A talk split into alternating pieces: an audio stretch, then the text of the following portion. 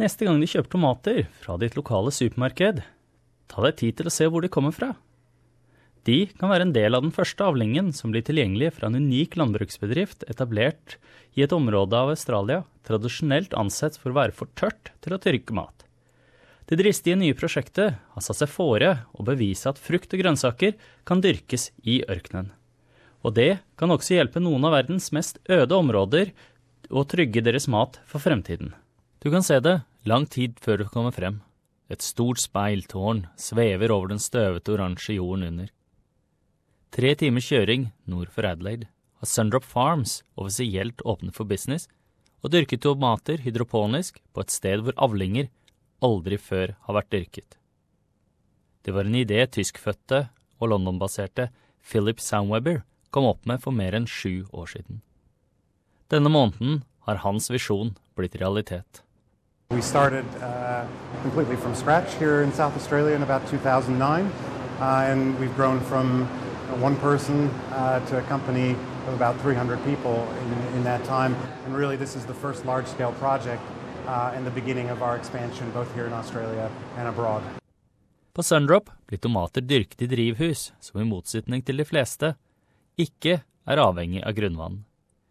I stedet er det strukket en vannledning fra nærliggende Spencer Gulf og et felt av speil høster energi fra solen til lavsalte sjøvann. University of Adelaide vann- og miljøpolitikksprofessor Mike Young konsulterte for prosjektet i de tidligere fasen, og sier at prosessen er unik.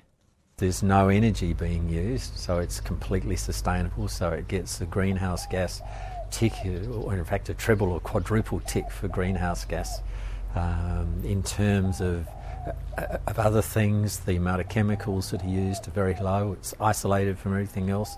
No disease risks and the things that are normally around.